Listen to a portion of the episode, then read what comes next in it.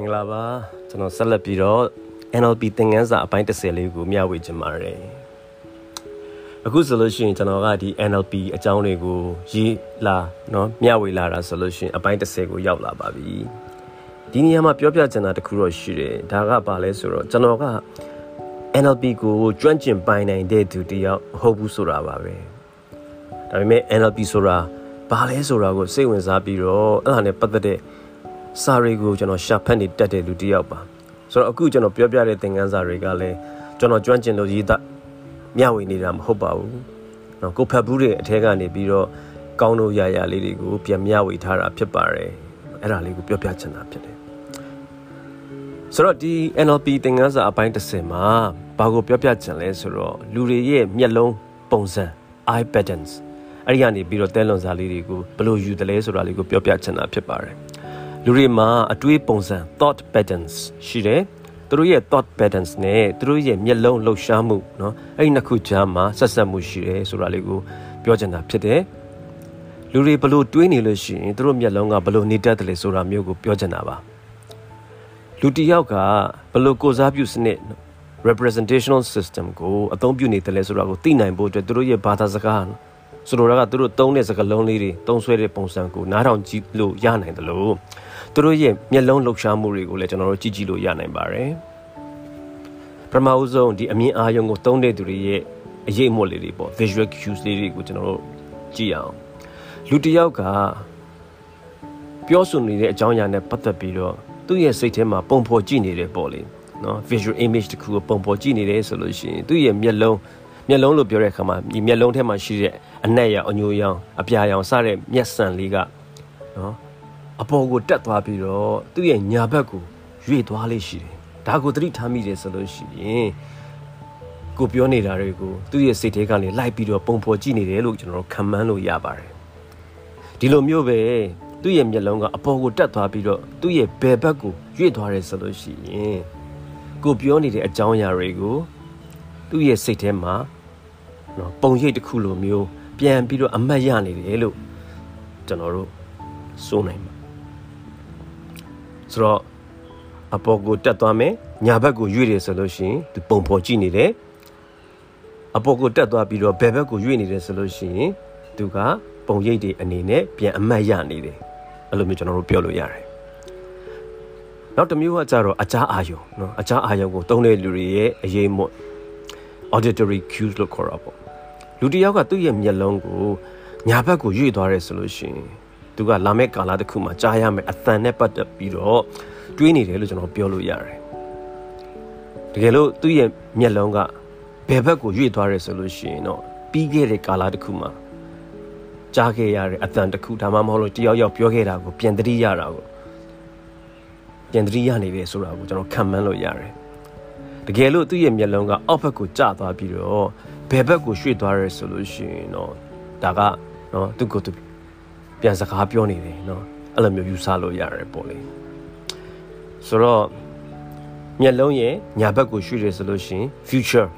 အနာဂတ်မှာကြားရမယ်အတန်နဲ့ပတ်သက်ပြီးတော့တွေးနေတာ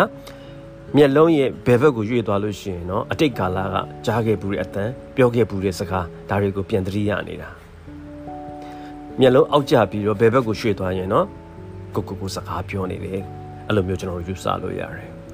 နောက်တစ်ခုကကြတော့ခံစားမှုအထီးတွေးအာရုံကိုတုံးတဲ့လူတွေရဲ့အရေးမှုပေါ့လေ kinesthetic cue လို့ခေါ်တာပေါ့လူတစ်ယောက်ကအောက်ကိုကြည့်နေပြီးတော့သူ့ရဲ့မျက်လုံးကိုညာဘက်ကိုရွေ့သွားရဲဆိုလို့ရှိရင်တော့ तू ကသူ့ရဲ့ခံစားချက် feeling ပေါ့လေသူ့ရဲ့ခံစားချက် feeling အလားကို तू ကစမ်းစစ်နေတယ်ဒါမှမဟုတ်လို့ရှိရင်ငါမြင်ခဲ့တာငါကြားခဲ့တာတွေအပေါ်မှာငါဘယ်လိုခံစားနေရတယ်လဲဆိုပြီးတော့ကိုကိုကိုမေးနေတာမျိုးဖြစ်နိုင်ပါတယ်နော် ဆိုတော့မျက်လုံးကိုအောက်ကိုကြည့်လိုက်တယ်ပြီးတော့ညာဘက်ကိုရွေ့သွားလို့ရှိရင် तू ကသူ့ရဲ့ feeling ကိုစမ်းစစ်နေတာဆိုတော့ဒီလိုမျိုးမျက်လုံးပုံစံတွေကိုအကဲဖြတ်ဖို့အတွက်9မိနစ်လောက်လေ့ကျင့်လို့ရတဲ့လေ့ကျင့်ခန်းလေးတစ်ခုကိုကျွန်တော်ပြောပြခြင်းတယ်လူတစ်ယောက်ကမျက်လုံးလှုပ်ရှားပုံတွေကိုအကဲဖြတ်ဖို့အတွက်နော်လူတစ်ယောက်ရဲ့မျက်လုံးလှုပ်ရှားပုံတွေကိုအကဲဖြတ်ဖို့အတွက်သူတို့ရဲ့ခံစားချက်တွေသူတို့ရဲ့ feeling နော်အသံ sounds နော်ပုံရိပ်တွေ images တွေပြီးတော့ကိုကိုကို စိတ်ထဲကစကားပြောနေတာတွေနော် internal dialogue ကိုခေါ်တာပေါ့အလားတွေကို construct နော်တိဆောက်စေမဲ့ ဒါမှမဟုတ်လို့ရှိရင် remember เนาะတတိယစီမယ်မေးခွန်းတွေကိုကျွန်တော်မေးကြည့်လို့ရပါတယ်ဥပမာကျွန်တော်တို့မင်းရဲ့ရေချိုးကန်းကိုစီးအပြာရောင်တုံမယ်ဆိုလို့ရှိရင်ဘလို့ပုံမျိုးဖြစ်နေမလဲလို့ကျွန်တော်တို့မေးခွန်းမေးတယ်မေးခွန်းအဲ့လိုမျိုးမေးလိုက်လို့ရှိရင်လူကကိုမေးလိုက်တဲ့အပေါ်မှာသူ့စိတ်ထဲမှာ သူ့ရဲ့ရေချိုးကန်းပုံစံစီးအပြာရောင်တုံရင်ဘလို့နေမလဲဆိုပြီးတော့ပုံဖော်ကြည့်နေပြလိမ့်မယ်အဲ့ဒီခါကျရင်သူ့ရဲ့မျက်လုံးကအပေါ်ကိုတက်သွားပြီးတော့သူ့ရဲ့ညာဘက်ကိုရွှေ့သွားပါလိမ့်မယ်နောက်ထပ်မိကွန်းတစ်ခုမင်းရဲ့ရေချိုးခန်းကလွန်ခဲ့တဲ့6လလောက်ကဘလို့ပုံမျိုးလဲလို့မေးလိုက်တဲ့အခါမှာနော်အတိတ်ကာလကရှိခဲ့တဲ့သူ့ရဲ့ရေချိုးခန်းပုံစံကိုမေးလိုက်တဲ့အခါမှာသူ့ရဲ့စိတ်ထဲမှာ6လလောက်က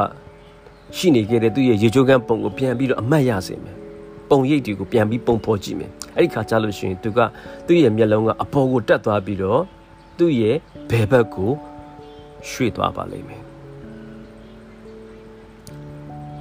ဒါမှမဟုတ်လို့ရှိရင်သူက visual သမားမဟုတ်ဘဲနဲ့ auditory သမားဖြစ်မယ်ဆိုလို့ရှိရင်မင်းရဲ့ရေချိုးခန်းကလွန်ခဲ့တဲ့6လလောက်ဘလို့ပုံမျိုးလဲလို့မိလိုက်တဲ့အခါမှာသူက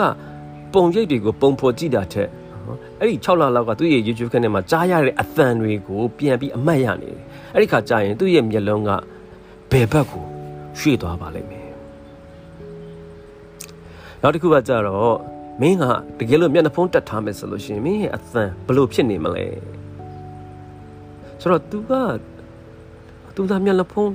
သူ့ရဲ့အတန်ပေါ်မှာတခုခုဖုံးနေမယ်ဆိုလို့ရှိရင်ဘလို့အတန်ထွက်သွားမလဲ။ ဆိုတာကိုသူတွေးကြည့်နေမယ်ဆိုတော့မဖြစ်သေးတဲ့ကာလမှာဖြစ်လာမယ့်အတန်တစ်ခုကိုသူတွေးကြည့်တယ်အဲ့ခါကျရင်သူ့ရဲ့မျက်လုံးကသူ့ရဲ့ညာဘက်ကိုရွှေ့သွားမှာဖြစ်တယ်